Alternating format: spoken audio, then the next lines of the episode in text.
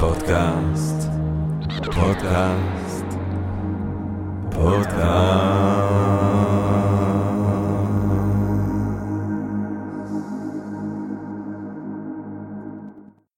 טוב, גבירותיי ורבותיי, ברוכות וברוכים הבאים לפודקאסט של Think and Different, פודקאסט למי שאוהב לחשוב ולשתות. אני ג'רמי פוגל ואנחנו רוצים קודם כל להודות ליקום, לעצם היש, לקוסמוס, למציאות שמאפשרת לנו למרות הכל להיכנס כאן כולנו יחד למען הרחבת התודעה, העמקת הדעת, גירוי ואולי אפילו סיפוק הסקחנות. ומי יודע אולי איזשהו רעיון נשגב, איזשהו רעיון מפעים ככה באמצע היום או באמצע הלילה או באמצע הערב או מתי שאתם לא שומעים את התשדיר הזה שלנו כאן. אה, ועל הדרך אנחנו גם נגיד תודה לסמסונג נקסט תל אביב כאן בתל אביב שבבונקרים שלה אנחנו מקליטים את הפודקאסט הזה. אה, מה אני אגיד לכם גבירותיי ורבותיי, אנחנו עדיין מקליטים ומשדרים בזמני הקורונה, וואו, תקופת הקורונה, קורונה גבירותיי ורבותיי, אה, ודבר אחד שנראה לי מעניין עם הקורונה זה שלפני מה, שנתיים, אה, רובנו לא הבנו כלום באפידמיולוגיה, באימונולוגיה, בחיסונים, או הבנו בזה מעט מאוד, או לפחות אני יכול לדבר על עצמי, שהבנתי בזה מעט מאוד. אה, אבל פתאום מסתובבים ולכולם יש דעה ולכולם יש מחשבה ולכולם יש ידע בנושא. אה, אני חייב לומר אבל בכנות שאני המשכתי להיות בור גמור. אני עדיין לא יודע כלום כמעט באפידמיולוגיה, באימונולוגיה, בחיסונים. איך הם עובדים, מה הם. באופן כללי אני חייב לומר, תמיד אני מדמיין שאם הייתי חוזר אחורה רחוק, ל... אם איכשהו כאילו אני הדבר היחידי שנשאר מהציוויליזציה שלנו חס וחס, אז מעט מאוד דברים יחזרו על עצמם. זה לא שיהיה רדיו או אינטרנט או טלוויזיה או אה, אה, אה, אה, אולי, אולי סוג של כזה סטים אנג'ן, אולי אני אוכל לפברק משהו מהסגנון הזה, אבל אה, רוב הטכנולוגיה לא תשרוד אם אני היחידי שישרוד. אה, וגם רוב הידע באפידמיולוגיה, בחיסונים ובאומונולוגיה. אז מה שאני חשבתי שהולך להיות מדהים, זאת אפשרות פשוט באמת לשאול את כל השאלות. אה, מה גם שספציפית אם אנחנו מדברים על חיסוני הקורונה אני גם אמרתי לעצמי שאני עושה את השניים הראשונים בכיף בלי אפילו לבדוק בצורה אולי קצת אה, אה, נאיבית אבל בלי אפילו לבדוק מה קורה אני רץ עם העדר להתחסן כמו ילד טוב תורם את גופי למדע בשמחה ובששון אבל תמיד אמרתי לעצמי שאם יגיע וכשיגיע השלב של החיסונים הנוספים אני כן ארצה להתעניין ואין דרך מבחינתי יותר אה, נעימה ומעוררת השחאה וכיפית ללמוד מבשיחה ובדיאלוג עם מישהו שכן יודע וכן טרח אה, ללמוד ולהשקיע את השנים ואת השעות שנדרשות כדי לפתח מומחיות בכל תחום וגם בתחום הזה. אה, ויש לנו איש שכזה.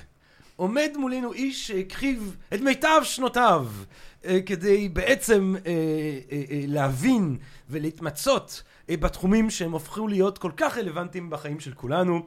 גבירותיי ורבותיי, דוקטור ארז גחטי. דוקטור ארז, דוקטור ארז גחטי הוא בוגר תואר ראשון במדעי החיים באוניברסיטת בן גוריון. את התואר השני שלו הוא עשה על המנגנון המולקולרי של חישת טמפרטורה, גבירותיי ורבותיי. אנחנו לא, לא פה סתם דברים. ואת הדוקטורט על תנועת תאי דם לבנים.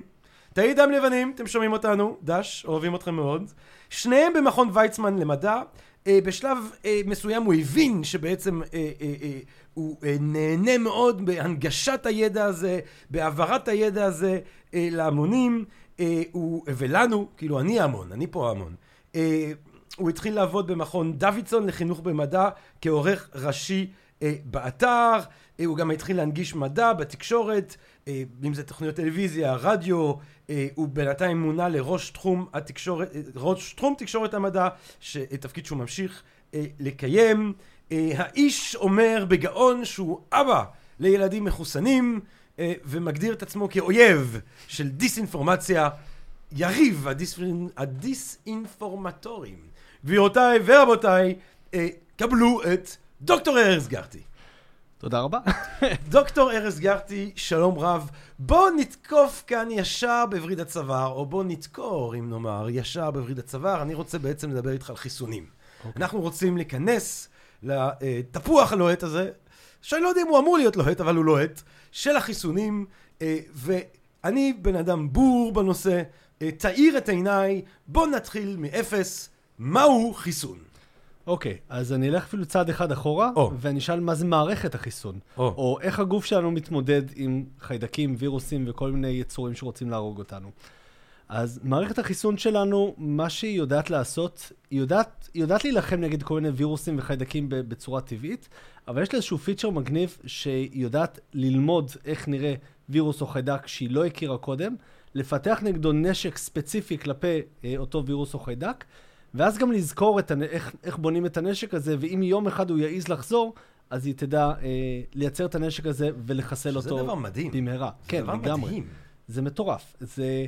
מערכת החיסון היא מערכת נורא נורא נורא מורכבת. יש כאלה שקוראים לה אפילו מוח נוזלי, כי היא נמצאת כמעט בכל מקום בגוף, אבל היא יודעת לתקשר עם החלקים השונים שלה. איך, מה, מה זה האינטליגנציה? זה סוג של צורה של אינטליגנציה. אה, באיזשהו אופן. אינטליגנציה, אני יש שם לא יודע מה- זיכרון. יש שם זיכרון, יש שם תקשורת, היא יודעת לתקשר אה, בין החלקים השונים שלה, להעביר את המידע ממקום למקום. היא יודעת לקרוא לתאים מומחים שיבואו לאזורים מסוימים ששם יש את, ה- את הקרב ולהילחם אה, נגד, ה- נגד האויב שפלש אלינו. היא יודעת לקחת חלקים מהאויב הזה ולהעביר אותו לאזורים שלומדים אה, איך אני הוא... מרגיש בפרק של על, אה, החיים, ככה לגמרי, לזה זה, בעברית? זה ממש ככה, כן. כן. זה... הסדרה החיים, סדרה שהייתה בתחילת שנות ה-80 והרבה התקדם מאז, אבל את, ה... את הבסיס היא מלמדת אה, בצורה מצוינת. אה. ממליץ בחום לראות. אז מערכת, אז יש לנו מערכת חיסונית, ש, ש, ש, ש, ש, שמה זה בעצם? זאת אומרת, אתה אומר זה נוזלי, זאת אומרת, איפה זה, זה, נמצא? זה תאים, זה אוסף של תאים, אהה. תאים שכל אחד מומחה, כל סוג של תאים מומחה ל- למשהו אחר, אהה. וביחד הם מרכיבים את, ה... את התגובה החיסונית.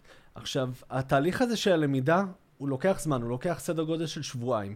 ובשבועיים האלה היא ממשיכה להילחם בווירוס או בחיידק שפלשו, אבל המלחמה הזאת היא, היא לא ספציפית, ו- והרבה פעמים היא לא מוכרעת בשבועיים האלה. ואם אנחנו רוצים באמת להכריע את הווירוס הזה ולדאוג שגם שהוא לא, יהיה, לא יהווה סכנה עבורנו בעתיד, אנחנו צריכים שיהיה לנו את הנשק הספציפי הזה, שזה הנוגדנים. או. אז, אז מערכת החיסון שלנו בשבועיים האלה אה, לומדת אותו. זאת אומרת, אני- אני, חוטף שפעת, כן. אני, אבל שנייה, אני עדיין לא מבין משהו לגבי התאים האלה של מערכת אוקיי. החיסונית. א- א- א- איפה הם? איפ- איפ- איפה בכל הם? מקום. הם נמצאים, איפה- הם בכל- נמצאים, איפה ב, בכל הם? נמצאים סמוך לאור, נמצאים בשרירים, נמצאים בחלל הבטן, נמצאים בריאות, נמצאים ב, ב, במעיים, אפילו יש כמה, אה, ב, ברוק, ב, במוח יש תאים מומחים שאמורים להגן עליו. יש תאים של מערכת החיסון כמעט בכל מקום בגוף שלנו. יש להם אפילו צינורות הובלה משלהם. הם, הם נודדים דרך אה, קשרי, צינורות הלימפה, אה, שמוליכים מוליכים אותם ממקום למקום. אה, זה סוג של קיצורי דרך להגיע לכל מיני מקומות. והתאים האלה כל. הזמן מתחדשים? הם כל הזמן מתחדשים, הם כל הזמן מתים, הם נולדים מחדש, הם עוברים תהליך של התמיינות. יש לנו טריליונים של תאים כאלה בגוף, והם הם כל הזמן מתים ו, ונולדים, ונוצרים חדשים. והזיכרון התאי הזה נשמר מדור הוא לדור? נשמר לאורך זמן, מדור לדור לא, אבל uh, הוא נשמר לאורך זמן בגוף שלנו. כאילו מדור לדור. של תאים, לא מדור לדור של בני כן, אדם. כן, הם- התאי זיכרון ממשיכים להתחלק, הם נמצאים ב- בכל מיני אזורים בגוף, כמו בחלל הבטן, או בריאות, או, ב, או בטחול, והם הם נשמרים שם. הזיכרון החיסוני לפעמים דועך, ואז אולי צריך uh, לרענן את הזיכרון הזה, ונדבר על זה עוד מעט עם הבוסטרים, אבל, uh, אבל זאת הדרך שלנו להתמודד עם, עם כל מיני מחלות ולא לחלות בהם שוב uh, בשלבים מאוחרים יותר בחיים. מעניין. עכשיו, מה עושה החיסון? החיסון חוסך לנו את השבועיים שנייה, האלה. איזה חיסון? אנחנו עוד לא חיסון. בחיסון. כל חיסון. לא, אני אומר ברמה של ה- של השאלות, אני עוד... אני אה, עוד- אוקיי. אני עוד קטונתי בכלל מלהגיע לחיסון, אני עוד רוצה רגע להיות ב- ב- ברמה הכי טבעית, זאת אומרת, אוקיי. אה, בלי חיסון. בלי חיסון. אה, ילד נולד, תינוק נולד, יש לו את הטריליוני תאים האלה. נכון. יש לו יכולת להתמודד עם מחלות ברמה מסוימת. ואז הוא מתחיל לצבור את הזיכרונות לגבי כל מיני אומרת, אם וירוסים שהוא נחשף אליהם. זאת אומרת, בגלל זה אומרים לא כדאי שתינוק יהיה באזור סטרילי מדי, כי אז בעצם הגוף שלו לא לומד להתמודד עם בקטריות או עם נכון, וירוסים. כן. ויש לו בהתחלה את ההגנה הטבעית שהוא קיבל גם דרך החלב וגם, אה, וגם אה, כשהוא נולד, אז הוא נולד עם חלק מהנוגדנים למה? כי בחלב שלו. יש... יש- החלב, האמא, כן, האמא מעבירה לו חלק מה, מהנוגדנים אה, דרך החלב, ונותנת לו איזושהי הגנה טבעית מכל מיני מחלות בחודשים הראשונים. גם מערכת החיסון שלו לא לגמרי בשלה בהתחלה, מהמם. אבל עם הזמן הוא הולך והוא צובר זיכרונות של חיידקים וזיכרונות של וירוסים, ואנחנו מכירים את מה זה הקטע הזה. הזיכרון הזה? זה הזוי. מה זה הזיכרון הזה? זה, זה, הקטע הוא שלמשל הילדים שלנו מתחילים גן חדש, כשהם רק מתחילים את הגן, שבוע ראשון הם חולים. כן. זה, זה, תמ- תמיד זה קורה. ואז עוד פעם נדבקים בעוד משהו ועוד משהו ועוד משהו. ולאט לאט הם נהיים פחות ופחות חולים. הגוף שלהם, זה לא שהם נחשפים לפחות חיידקים ווירוסים, פשוט הגוף שלהם כבר יודע להתמודד איתם. אז זה, זה חלק מה, מהזיכרון אבל איך, איך. איך, איך תאים, איך, איך מכלול התאים האלה זוכרים אה, את... אז אוקיי, אז, אז בואו נדבר רגע על, על מה קורה. כן, אז כשפולש לגוף איזשהו וירוס, כן, הווירוס הזה, הגוף מזהה שזה משהו זר. כן. זה, הוא, יש לו כל מיני דרכים אה, לזהות מבנים ש, שהוא לא, לא מכיר, ואז מגיעים תאים שבולעים אותו, מפרקים אותו לח, להמון המון חתיכות קטנות, ואז הם נודדים אה, לקשרי הלימפה, שזה אפשר להגיד סוג של הפאב השכונתי. שם הם מציגים את החתיכות מהווירוס הזה לכל מיני תאים של מערכת החיסון, וביניהם תמיד יהיה אחד, לפחות אחד, שידע לזהות אותו, שיגיד, אה, אני מכיר את זה.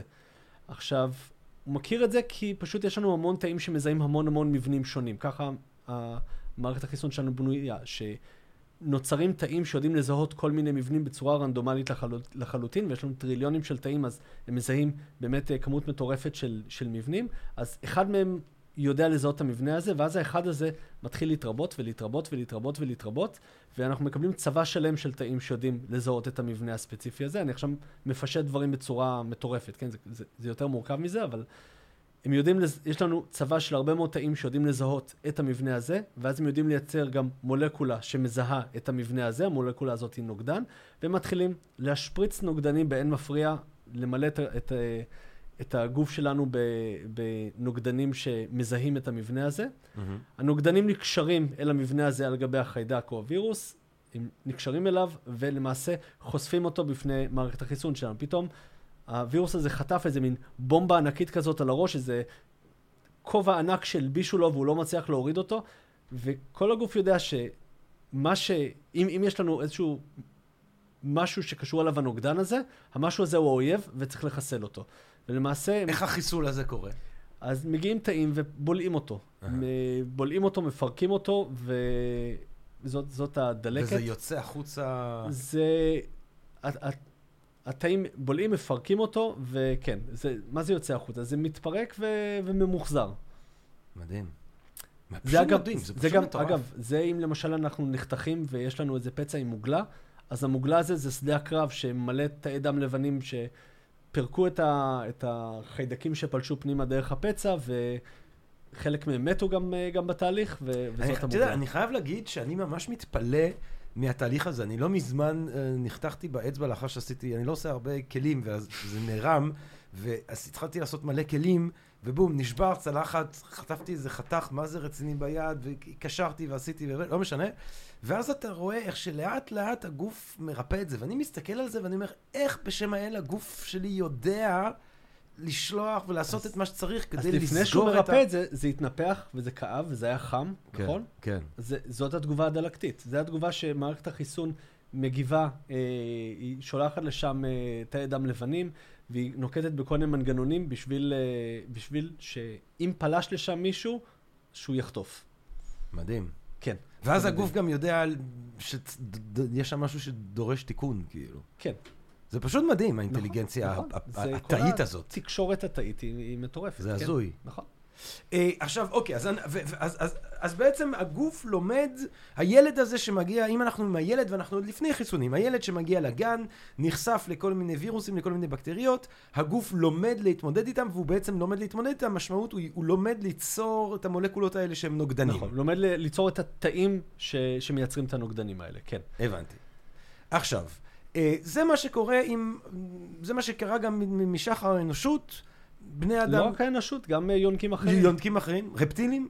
אה, יש, אני, אני לא בטוח. זאת אומרת, יש, יש, יש מערכת, יש מערכת נרכשת אצל, אה, אני, יודע אצל, אה, אצל אה, ציפורים יש, יונקים יש, זוחלים, יכול מאוד להיות שיש, אני לא בטוח. חייב שיהיה להם, כי אם לא הם היו מתפגרים כל הזמן, לא, המומללים. יש, יש, שוב, יש רבדים שונים של מערכת חיסון. יש גם כן. את המערכת חיסון שלא מבוססת על, על למידה, והיא היא יותר כללית, ו... אה, הבנתי.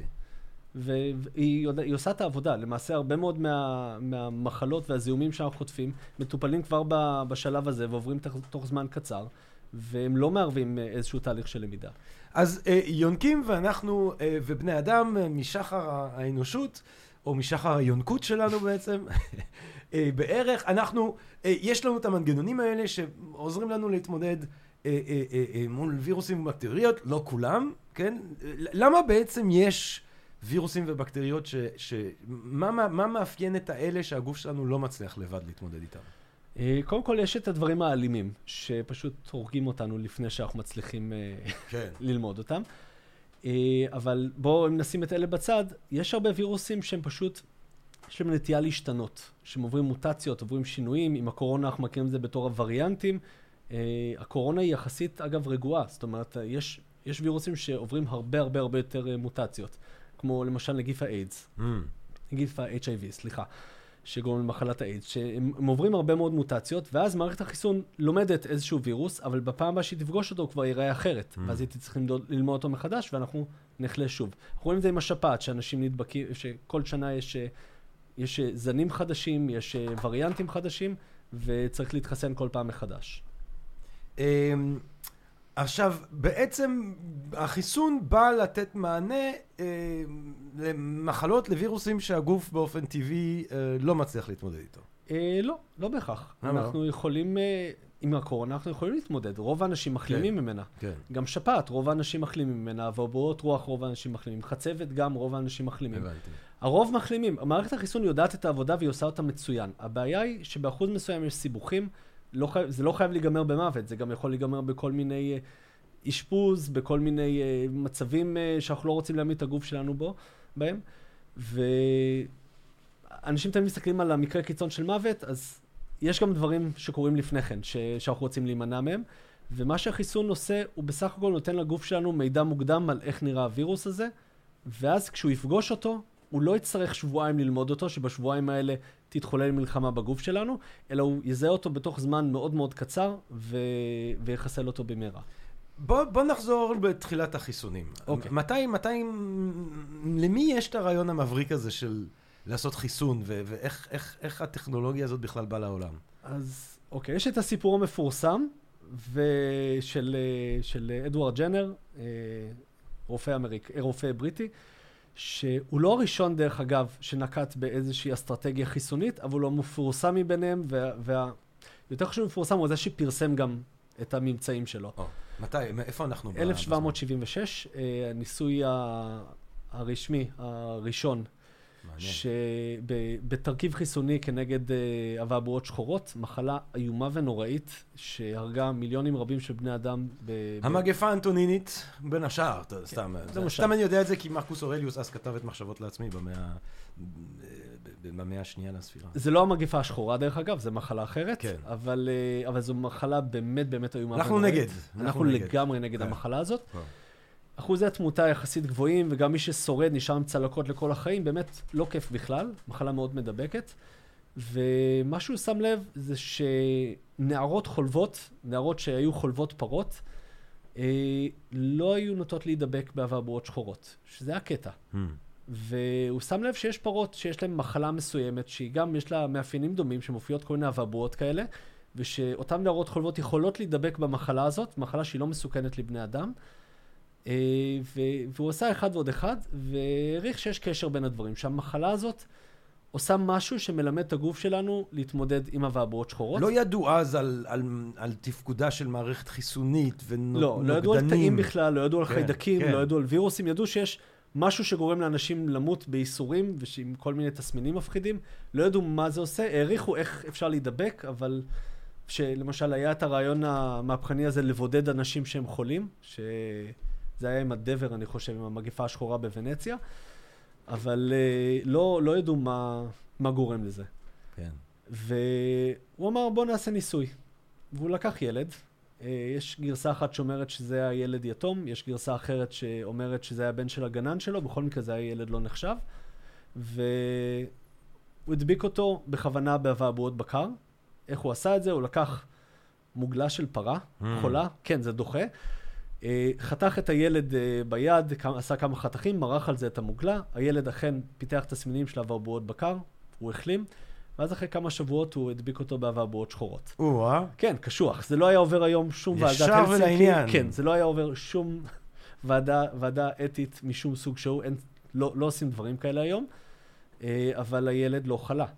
וזה זה קטע. ואז הוא הלך ופרסם את המחקר, את המחקר הזה, ואנשים בהתחלה צחקו עליו ואמרו שמה, כאילו, מה זה הטיפול הזה בפרות, במוגלה של פרות, קראו לחיסון וקסין, מהמילה וקה, שזה פרה.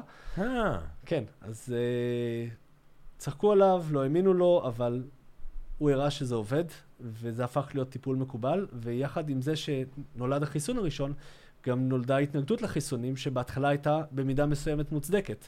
כי הטיפול הזה שאתה בא ואתה עושה חתכים בעור, ואז אתה מורח על זה איזה מוגלה, אז או מוגלה של פרה, או מוגלה של מישהו אחר שהתחסן ו, ונוצרו לו התסמינים האלה של אבעבועות בקר.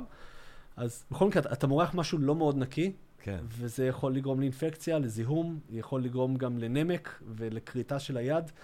וזה, היו מקרים שזה הידרדר לזה, ובפני ההורים עמדה הברירה הבלתי אפשרית של האם לתת להם חיסון שבמידה סבירה ימנע מהם אה, לחלות אה, באבעבועות שחורות, אבל גם אחת התופעות לוואי זה שייווצר זיהום ושהם יאבדו את היד. תופעות, זאת אומרת, תופעות לוואי אה, קשוחות. קשוחות, כן, מאוד. לא בדיוק אה, כאב ראש יומיים.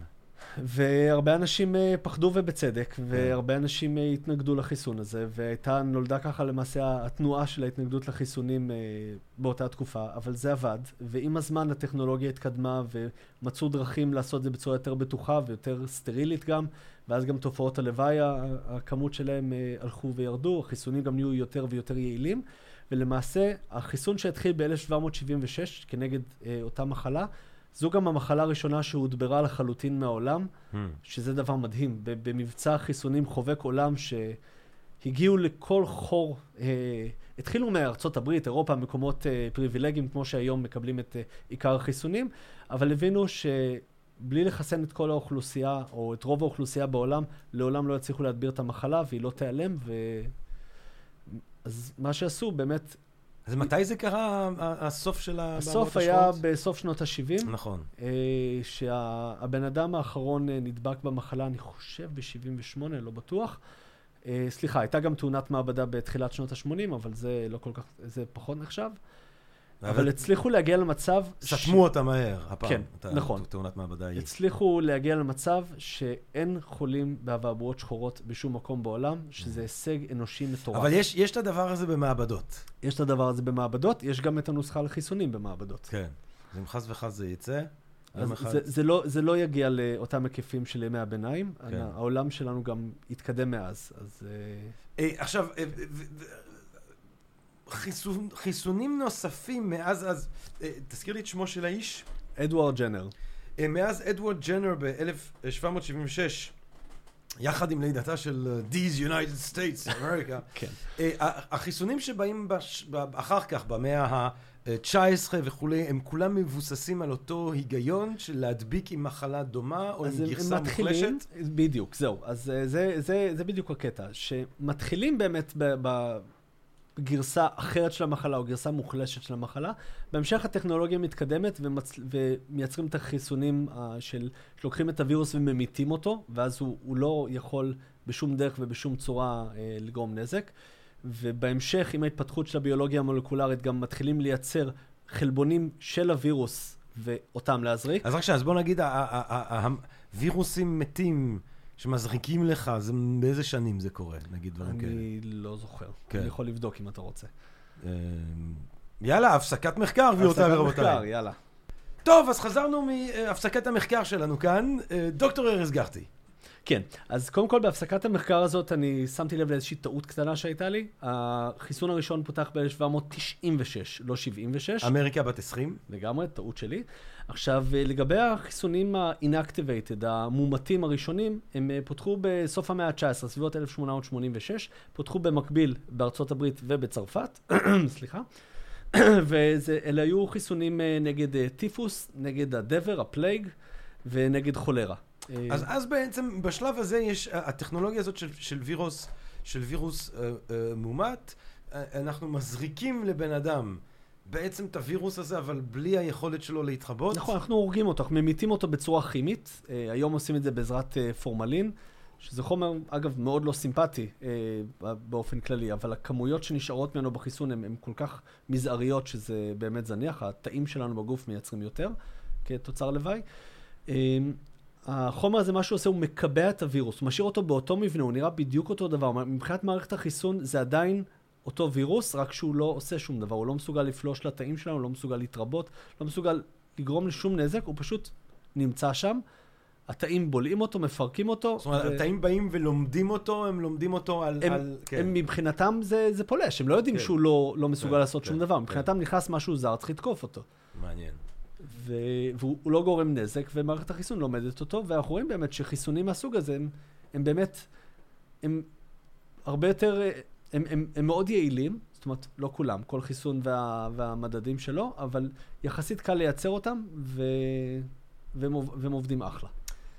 בוא, בוא נתקדם עוד קצת בהיסטוריה של החיסונים. אנחנו כמובן רוצים להגיע מן הסתם לחיסונים הרלוונטיים אולי ביותר לתקופה הזאת, הזאת של הקורונה, אבל, אבל אני חייב לדבר על, על, אנחנו יכולים לדבר על הגיבור שלנו, יונס סלק. כן. ממציא החיסון הפוליו.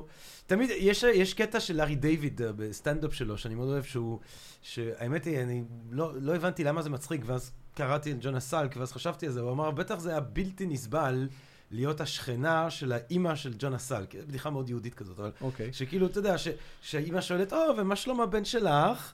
אה, אה, והאימא אומרת, או, כי, כי הבן שלי המציא את החיסון לפוליו. עכשיו... זה גם בדיחה של מישהו שגדל אה, בשנים האלה, של שנות ה-50 בארצות הברית, כי חייבים, אנחנו היום, או יש כאלה שהם יותר בחרדה ופחות בחרדה מהקורונה, אבל מסתובב בעצם בארצות הברית, או בעולם בכלל, מחלה שבה ילדים פתאום יש להם חום, ואז מוצאים את עצמם בשיתוק. אה, נורא, אם כן. הם שורדים בכלל. זאת אומרת, תחשבו, אני מניח שיש כל מיני הורים לילדים צעירים, תחשבו את החרדה הנוראית שמסתובב וירוס אה, שמסתובב והוא, והוא, והוא מדבק והוא הורג ומשתק אה, ילדים. אז היום הוא לא מסתובב. בוא... והיום הוא לא מסתובב, הוא, הוא לא, לא מסתובב, הוא לא מסתובב, אבל, אבל זה היה המצב אז. ו, ואנשים בסטרס מטורף ובחרדה מטורפת, ואז מגיע uh, ג'ונס uh, סלק, uh, ובעצם מפתח את החיסון. הוא מפתח את החיסון גם בטכנולוגיה של אינאקטיבציה, של להמית את הווירוס, לקחת את הווירוס, לקבע אותו, לגרום למצב שהוא לא יהיה מסוגל לגרום שום נזק, ולתת למערכת החיסון ללמוד אותו. זה חיסון מאוד מאוד יעיל. אה, אני לא זוכר את המספרים המדויקים, 96 אחוז, 99 אחוז, אחוזים מאוד מאוד גבוהים, והוא עושה אחלה עבודה, וסלק גם uh, תורם אותו לאנושות. זאת אומרת, כן. הוא לא לוקח, הוא לא מוכן להוציא עליו פטנט, כי הוא אומר, כמו שאני לא יכול להוציא פטנט על השמש, הוא, הוא לא רוצה uh, לגרוע מאנשים את הזכות להתגונן מהמחלה הנוראית הזאת. גיבור. לגמרי. דרך אגב, המחלה הנוראית הזאת עשתה איזשהו קאמבק לפני כמה שנים. אה, אולי על זה נדבר בהמשך, אבל אה, הייתה איזושהי התפרצות שקטה של פוליו בארץ. אני לא יודע מי מכם זוכר, אבל היה, היה מבצע חיסונים אה, בכל הארץ, וגם אז היו כל מיני קולות כאלה של, מה, אחי, המחלה הזאת לא כזאת נוראית, אז אולי לא חייבים באמת אה, להתחסן. ומי שומע את זה, זה אנשים פריבילגיים שלא ראו את uh, מה המחלה הזאת עושה. כן. אני, תראה, שוב, אני, אני גם, אני חייב לומר, זה לא שאני, שוב, אני בור, אני לא מבין גדול, אני כן, אני, התחום שאני טיפה פחות בור בו זה היסטוריה של הפילוסופיה עכשיו, איך זה קשור, ופשוט אני כן יודע מכל מיני דמויות בהיסטוריה של הרעיונות, אה, עד כמה שמתים להם ילדים. זאת אומרת, עד כמה שפעם היו מתים לך ילדים צעירים, אה, אתה יודע, אה, וכל מיני פילוסופים שנולדו למשפחות שהיו בהתחלה עשרה, ובסוף נשארים רק ארבע, אה, ולא, יש פילוסופים ש, שמולידים שמונה ילדים ושורדים רק ארבע, ואתה אומר, כנראה שהרבה ילדים קטנים היו מתים פעם. נכון, הרבה ילדים קטנים היו מתים פעם, בהחלט. כן. ו... והם מתים פחות היום, הילדים. מתים פה, לשמחתנו כן. הרבה, וכן. יכול להיות שהקולות נגד החיסון, הפוך על הפוך, מצילים את האנושות, כי אנחנו קצת uh, overcrowded. אה, אוקיי, יכול להיות, אבל... אה, לא, בסופו, לא בסופו של דבר, הר, הרפואה יודעת לת, לתת מענה, אבל עדיף לפעמים להיות חכם ולמנוע את, ה, את המצבים כן. שאפשר לטפל בהם. כן. אז בואו בוא באמת, בוא באמת נדבר על, על לפני עוד הקורונה, אני רוצה לדבר על, על החיסונים שנהוג לתת היום לתינוק. כי גם על זה כבר, אה, מהחברים שלי שהם הורים, אני שומע ספקות.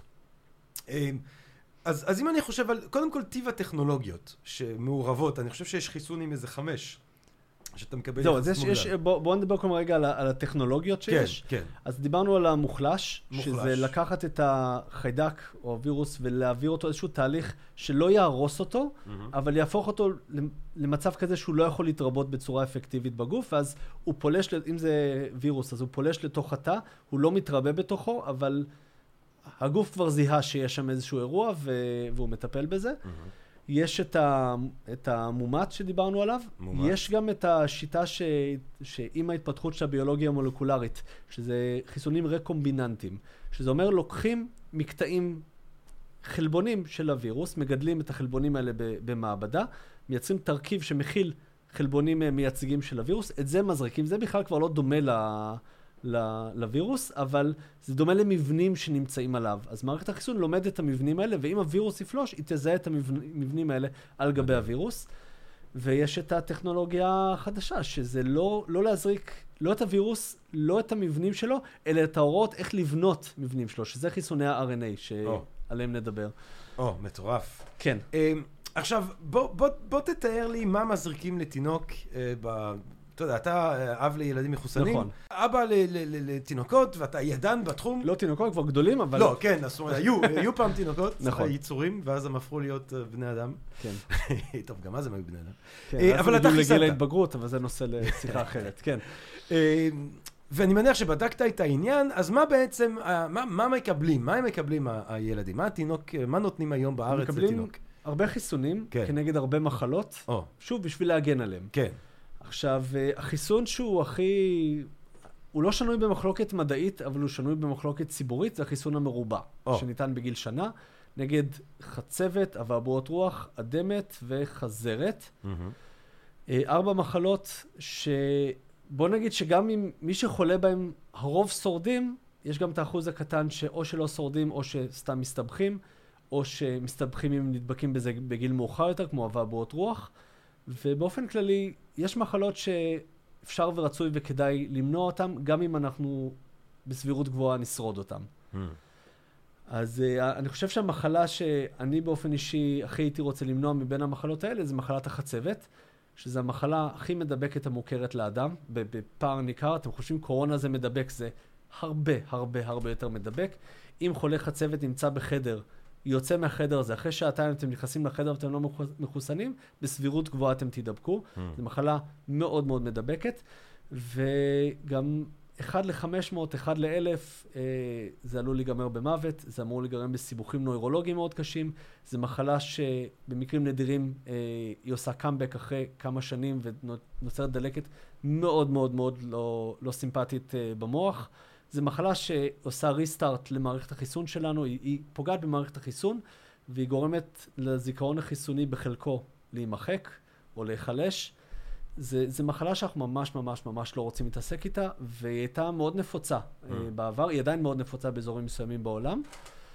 ואני זוכר איזשהו, אני ראיתי איזשהו גזיר עיתון משנות החמישים, עיתון דבר אם אני לא טועה, שכתוב שם שגם השנה נגזר על ילדי ישראל, נגזרה על ילדי ישראל מחלת החצבת. Mm. כשאומרים על משהו שהוא נגזר, זה אומר שזה לא משהו קל וטוב. כן. אז, אז מחלת ילדות קלה זה לא, למרות שיש אנשים שמתייחסים אליה ככה, וזו מחלה שהיא כמעט הודברה, זו מחלה שאפשר אפשר להדביר אותה כי היא מחלה שהיא רק בבני אדם, היא לא עוברת בבעלי חיים, אז אם אנחנו נחסן את כל העולם, אנחנו נצליח להדביר את המחלה. היא כמעט הודברה לפחות בעולם המערבי, והיא עשתה קאמבק בגלל שאנשים לא חיסנו את הילדים שלהם, ואז פתאום היה את האירוע של, אה, של דיסנילנד אה, לפני כמה שנים, וזה הגיע לאירופה, וזה הגיע גם, אה, גם לישראל לפני כמה שנים, ורואים קו ישיר בין אי-התחסנות אה, לתחלואה. אמ, אבל בוא, בוא באמת, אני, בוא נראה חלק מה, מהחשדות אולי שיש לאנשים כלפי, כלפי החיסון הזה. כן. למשל, אני שמעתי אה, טיעונים על אה, הפטיטיס אה, C. כן. אה, שמחסנים תינוקות, נכון. למרות שמדובר בעצם על, על מחנה שאפשר לקבל אותה רק ממגע מיני. לא, לא, ממש לא. אפשר לקבל אותה גם מתנאים סניטריים מאוד מאוד גרועים, Mm. כמו שיש, כמו שקורה לפעמים.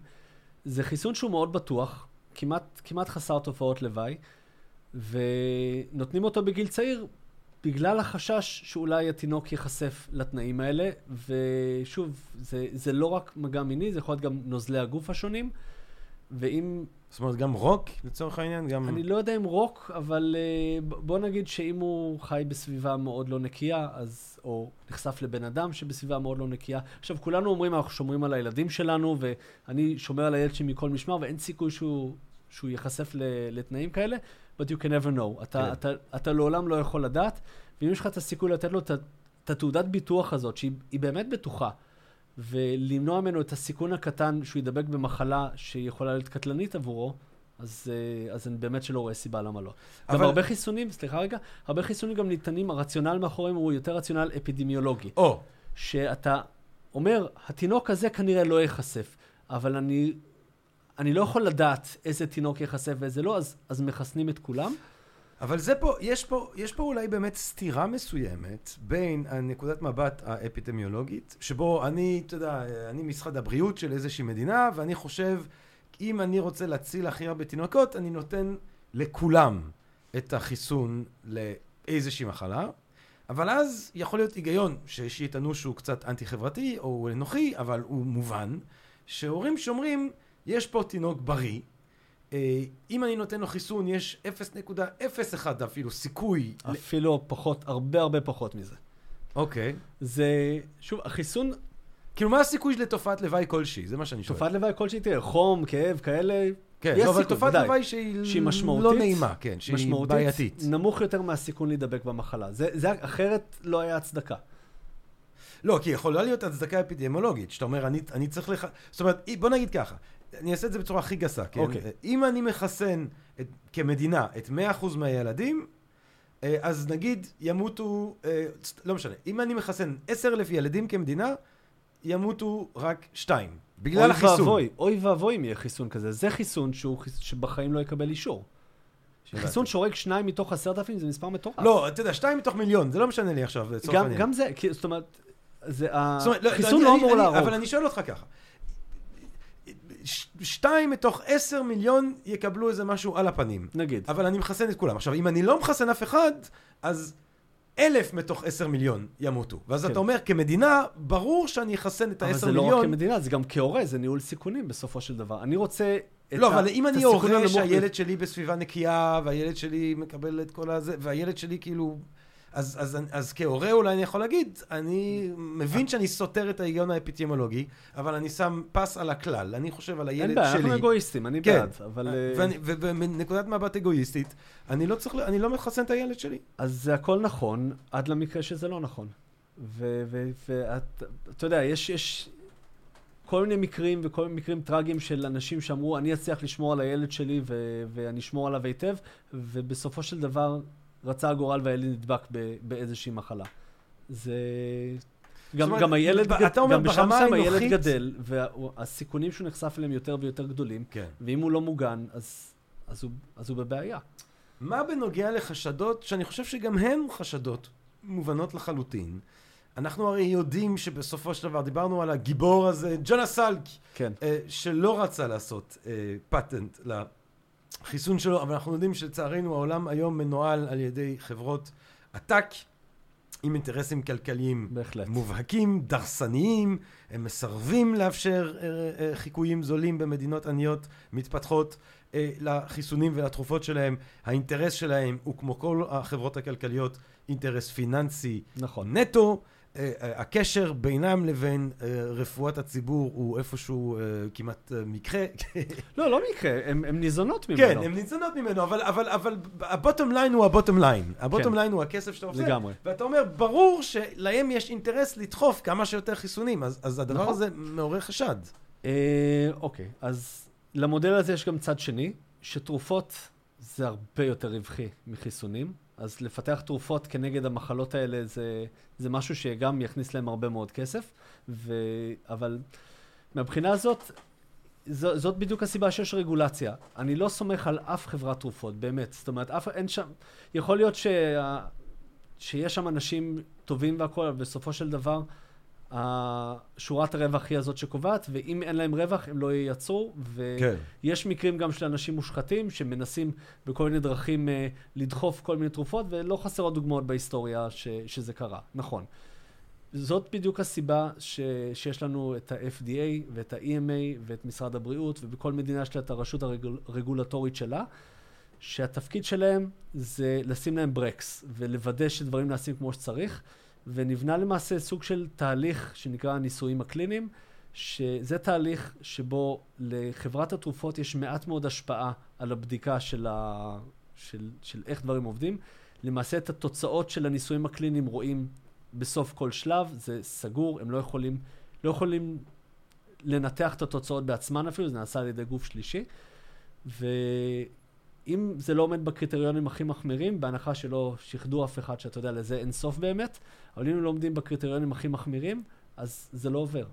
וה-FDA הרבה פעמים פוסל כל מיני תרופות וכל מיני טיפולים, ולמעשה רוב הטיפולים שנכנסים ל pipeline הזה של ניסויים קליניים, לא מסיימים אותו. ו... עכשיו, כן. נגיע עכשיו עוד מעט לחיסון לקורונה, אבל, אבל החיסונים האלה, המרובע, המחומש, ההפטיטיס C, אתה נתת לילדים שלך בלי, בלב שלם, בלי, כן. לא חששת, לא אמרת... אני, שוב, רגע, אני, אני כן אשים איזה כוכבית, כן. אני בן אדם. נכון. אז אני, אני כן חששתי, אני לא, לא, לא יכול להיות דבר כזה שבן אדם לא, לא חושש. זה בסופו של דבר, לוקח ילד ואני מזריק לו משהו, לא אני אלא, הרופא מזריק לו משהו, אז ברור שאני חושש. אבל אני פה... אבל ממה, בוא, בוא, בוא, בוא נדבר על החשש הזה. שמועות, אני גם, אני נכנס לאינטרנט, אני רואה את כל השמועות, אני רואה את כל הדברים כן, שאנשים אומרים, זה מלחיץ. כן, אבל אתה, אתה יודע, אבל מה זה... אבל מה זה, זה המקום שבו אני עושה הפרדה, ואני מסתכל מה, מה המחקרים אומרים, מה הנתונים אומרים, זה לחיסונים שנבדקו, ב, ונבדקו אה, על אלפי, עשרות אלפי בני אדם, ניתנו במשך עשרות שנים, יש עליהם המון המון המון מידע, אז אני מפריד את, ה, את הרגש שלי, ש... שאני גם מפחד, כמו כל בן אדם אחר, מהשמועות שאני רואה באינטרנט, אני שם את זה בצד ואני מקשיב רק, ל, רק לרציונל ורק לעובדות הקרות והיבשות. אז יש איזו אימא שמספרת שהבן שלה קיבל את החיסון ולמחרת אה, הוא התחיל להתנהג מוזר ו- וקרה לו, וחלה נסיגה והכל. אני שם את הסיפורים הקטנים האלה בצד, ואני מסתכל... הרבה סיפורים על אוטיזם יש. יש סיפורים, אבל כן. הסיפור, סיפורים זה לא משהו שאני יכול באמת לבדוק ולחקור. אני לא יודע מה עוד קרה שם ב- בסביבה. אבל במחקרים אתה יכול לראות שבדקו קבוצה שקיבלה את החיסון וקבוצה שקיבלה איזשהו חיסון דמי או איזושהי, נעשתה איזושהי ביקורת שם, ואם רואים שבאמת לא, אין, אין הבדל משמעותי בין הקבוצות האלה, אז זה יכול להיות גם מכל דבר. אנשים קוראים להם כל מיני דברים כל הזמן. בגיל שנה או שנה וקצת מתחילים לראות ילדים שנולדו אוטיסטים, מתחילים לראות את הנסיגה הזאת, בגיל שנה גם נותנים את החיסון. זה, ש, זה לא בהכרח אומר שיש קשר בין הדברים. כן.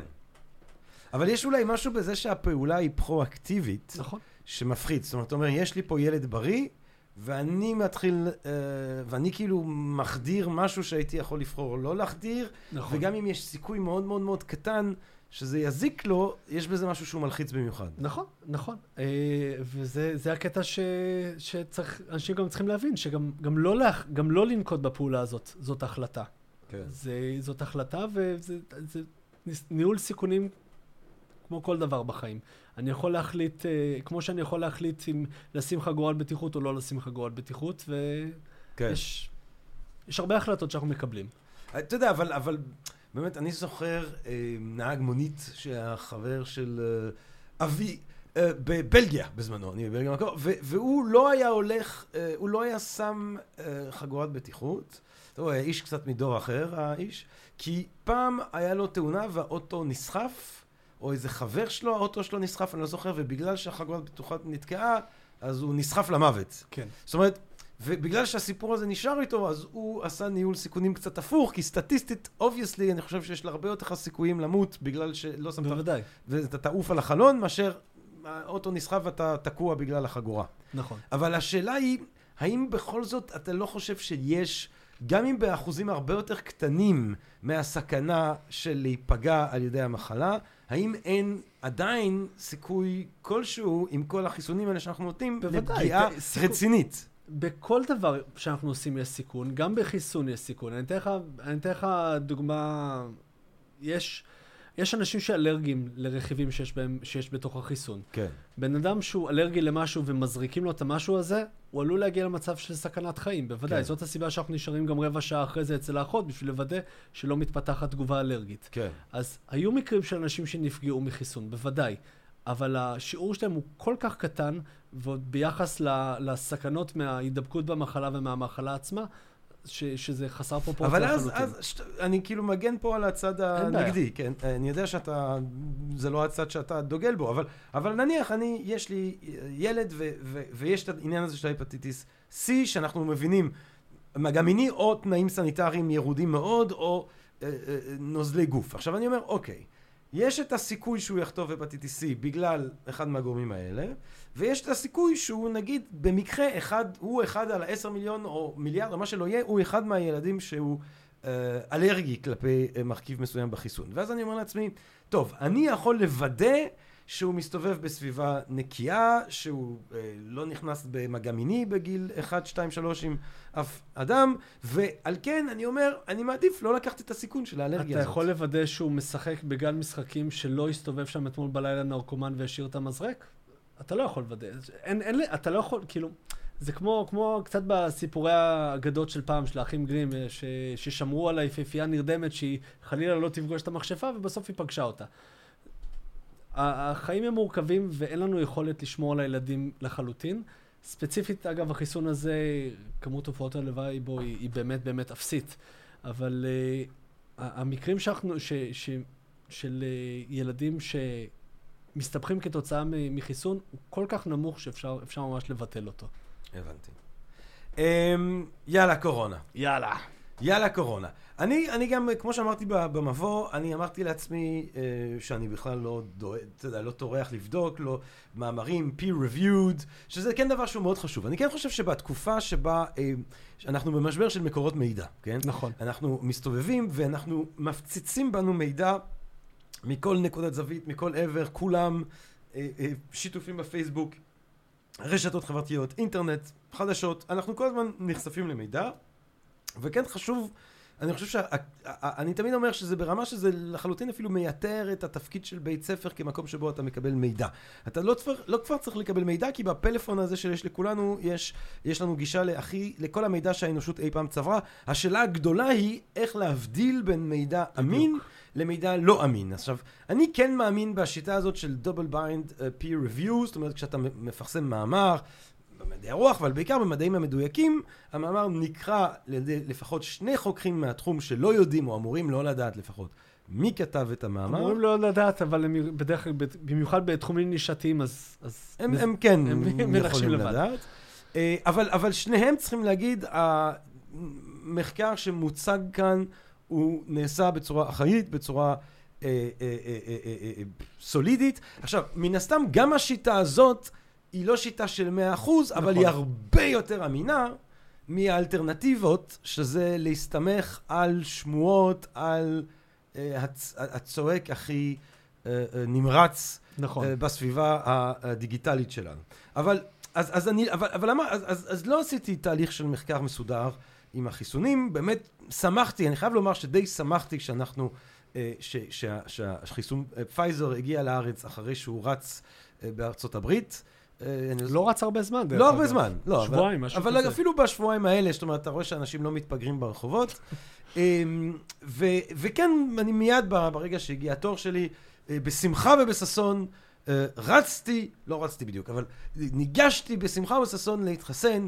גם אני, הסיפור הזה של ה- המידע האישי שלנו, מבחינתי ש- שיקחו את המידע האישי שלי, שיחקרו אותי. אני רוצה שמיטב החוקרים יסתכלו בכל המידע הרפואי שלי, וגם יצליבו עם כל השיט שאני לא נעשה, מחפש אגב. בגוגל, וחבל מאוד, ואני רוצה שיתכנסו ויעשו כנס, ויפתרו את הבעיה הזאת של ג'רמי פוגל אחת ולתמיד. שיבינו את, את כל מה שקורה ושישלחו לי דוח. דרך אגב, כל הרעיון זה ש- שכאילו, המידע שנמסר, זה זה מידע שמה שנקרא מותמם. זאת אומרת שאתה לא יכול to trace back. וחבל מאוד, כי אני לא- רוצה, אני רוצה שיכירו אותי. אני רוצה שחוקרים אה. פייזר יחקרו אותי לעומק, אבל, אבל זה אני.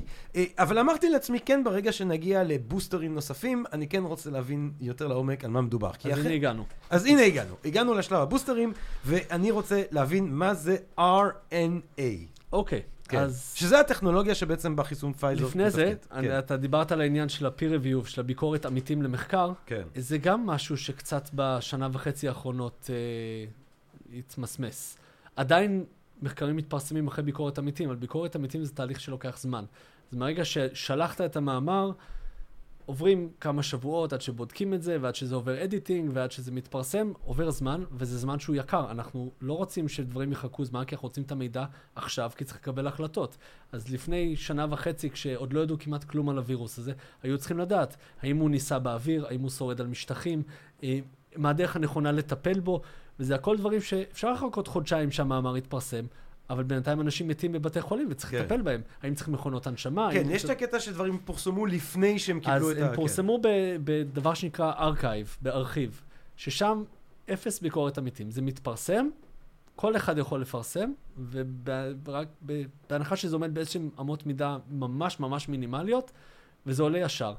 והביקורת עמיתים קורית בתגובות, ואחרי זה בטוויטר, ומדענים מתחילים להגיב לזה, ולהשתמש בזה, ולהעביר ביקורת על זה, וזה בסדר, זה גם שיטה. הבעיה שגם עיתונאים רואים את זה, וזה מקבל כותרות. הדוגמה הכי טובה ש...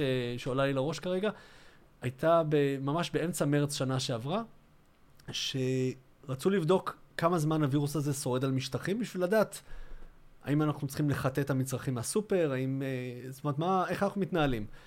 והתפרסם מחקר קטן, ב... הוא התפרסם ב... באחד הארכיבים האלה, שבו לקחו תרסיס של וירוס דומה, וירוס סארס, שהוא דומה לקורונה אבל קצת שונה, ריססו אותו על כל מיני משטחים, ובדקו כמה זמן נשאר החומר הגנטי שלו. וראו שעל משטחים מסוימים זה נעלם מהר, ומשטחים אחרים זה נשאר יומיים, ואפילו שלושה, ואפילו יותר מזה.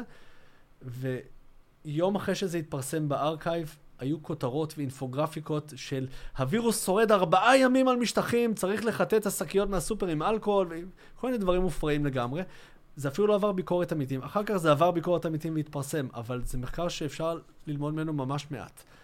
וזה אחת הבעיות, שהתקשורת כן אוספת את המחקרים האלה, מביאה לפעמים איזה מדען שיפענח אותם ויסביר אותם, אבל זה... השיטה המדעית היא איטית, המידע נצבר ומזדקק, ויכול להיות שהמחקר הזה לא היה מוצלח, ומחקר אחר דברים אחרים, ואז אנשים אומרים, רגע, המדע לא סגור על עצמו, מה, כי אתמול אמרת שלא צריך מסכה, היום פתאום כן צריך מסכה. מה, כן. מה נסגר? אני חייב להגיד שיש משהו בעיניי יל, ילדי באכזבה הזאת של שינוי. קודם כל, אני שמח שאנשים משנים את דעותיהם לפי הנתונים הכי עדכניים, כאילו זה דבר בריא וטוב. וב', בואו נבין שיש פה משהו חדש. ואנשים מחפשים את הדרך, ואנשים מחפשים את הפתרון, ואין איזשהו מבוגר אחראי שיודע את הכל. אנשים... נכון. זאת אומרת, אנחנו המבוגרים האחראים. שזה דבר נורא לחשוב. אני, אני, אני, אתה יודע, תמיד אני חושב שקונספירציה זה התקווה לזה שיש אבא רע. זאת אומרת, עדיף אבא רע מאשר זה שאין אבא בעצם. כן. כן, עדיף שיש איזושהי יד מכוונת, גם אם זה יד, גם אם זה ביל גייטס וה-CIA, זה עדיף על המצב של כאוס, שכל המבוגרים הכי מבוגרים לא כל כך יודעים ומחפשים, והמחקר שנייה פונה לשם, ואז הוא יפנה אחרת, ולאט לאט אנחנו נגלה, אבל כרגע אנחנו לא לגמרי יודעים, ואנחנו אה, אה, עושים את דרכנו בחשיכה. אבל, אה, אוקיי, אבל בואו בוא, בוא נדבר על, ה, על הדבר הזה, על, ה, על החיסון של פייזר, שהוא כן. החיסון הרלוונטי. שהוא חיסון וגם על... מודרנה, אגב. כן. זה שתי חברות שאותה טכנולוגיה. אין לי, אין לי העדפה לאף אחת מהן. כן. אוקיי, אז אה, מה שפייזר ומודרנה עשו, הם לקחו את המולקולה שמכילה את המידע לבנות את אחד החלבונים של הווירוס. הווירוס הזה, אתם בטח מכירים את, ה, את הציור שלו, שיש מלא שפיצים כאלה על, ה, על המעטפת. שפיצים. אז השפיצים האלה זה חלבון בשם ספייק, זה החלבון שאחראי על ההדבקה, זה החלבון שנדבק לתאים שלנו ומעגן את הווירוס אליו, ואז הוא מזריק את החומר התורשתי שלו לתוך התאים שלנו, ושם הוא יוכל אה, להתרבות. ופיתחו, אה, לקחו את, הרצף, את הקוד שמקודד לחלבון הזה, ואת זה מזריקים לתאים שלנו. עכשיו, לגוף שלנו, התאים בולעים את זה, והגוף... התאים שלנו רוא- רואים את המולקולה הזאת, מבחינתם זה קוד כמו כל קוד אחר שהגוף מייצר בשביל לייצר את החלבונים שלו, אז הוא רואה קוד, אז הוא מייצר. והוא מייצר את החלבון הזה, והחלבון הזה מגיע לקרום התא שלנו, ואז מערכת החיסון פתאום אומרת, רגע, רגע, רגע, החלבון הזה לא היה שם קודם, זה לא חלבון שלנו, זה משהו זר, אוי ואבוי, התא הזה נדבק בווירוס, צריך לטפל בו. ואז היא פועלת. היא מחסלת את התאים, מפרקת את החלבון לחתיכות, לוקחת אותו לאותו פאב שכונתי שדיברנו עליו. קודם, כן, לקשרי הלימפה, מראה אותו לכל מיני, לכל מיני תאים, התאים, מי מהם שיודע לזהות מתחיל להתרבות ו- ולייצר נוגדנים, ואז אה, בתוך שבועיים יש לנו אה, נוגדנים שיודעים לזהות את, ה- את הווירוס, את המבנה הזה בווירוס. שוב, כן, אני, אני, רק, רק שאני אהיה סגור על זה. אני- אז בעצם ה-RNA, שמה, what does it stand for, RNA? ribonucleic acid. אוקיי, סבבה, דש.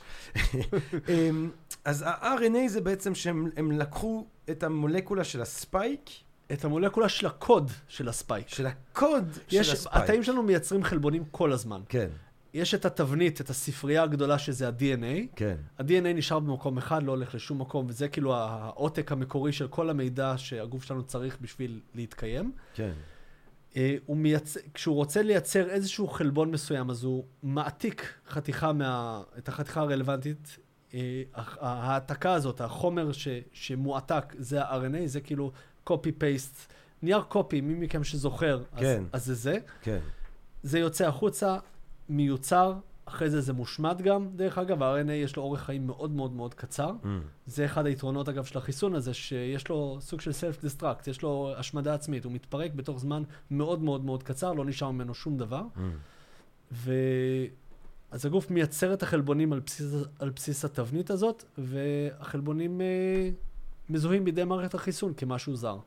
זאת אומרת, אוקיי, אז, אז מה שקורה לגוף שלי כשאני קיבלתי את הזריקה של אה, פייזר, כן. זה שבעצם ה-RNA הזה, כאילו ההעתק של החלבון של הווירוס, כן, זוהה בסופו של דבר על ידי מערכת החיסון שלי כמשהו זר, נכון. הם הלכו והציגו את זה בפאב השכונתי בלימפות.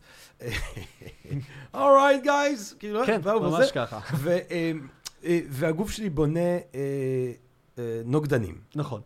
עכשיו, למה צריך לחזק את זה כל כך? כי אה, אנחנו רוצים שכשאנחנו נפגוש את הווירוס האמיתי, כן.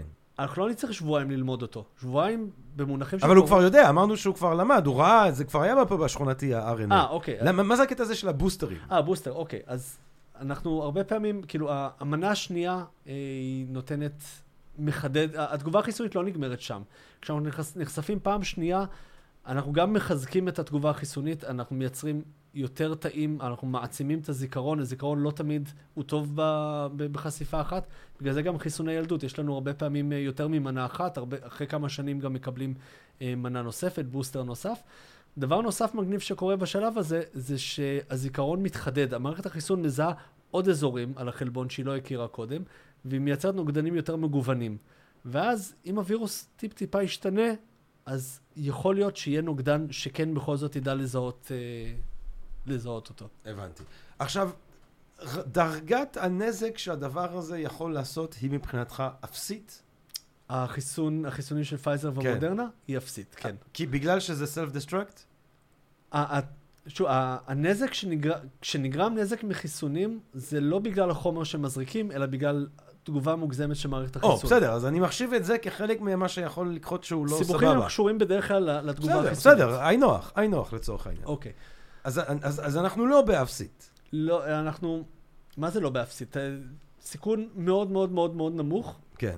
ובתקופה ש... שאנחנו נמצאים של מגפה עולמית, הסיכון שלך להידבק במחלה הרבה הרבה הרבה לא, אני. מעדיף, אני ברור לי שאני אני הולך, אני סטטיסטית הולך על הסיכוי שיקרה לי משהו מהחיסון מאשר המחלה. זה אצלי, זה חישוב אוקיי, שאני אבל עשיתי. הסיכון הוא, קיים, ברור, בוודאי. עכשיו, מה, מה, אז, ומה עם הדברים שאנחנו מגלים לגבי אז הדבר אוקיי, הספציפי אז הזה? הדבר הראשון שגילו זה אנשים שהם אלרגיים ל- למשהו בתרכיב, ואז האנשים האלה חוטפים אה, מה שנקרא התקף אנפילקטי, תגובה אלרגית מאוד מאוד קשה, זה משהו שרואים אותו בתוך רבע שעה.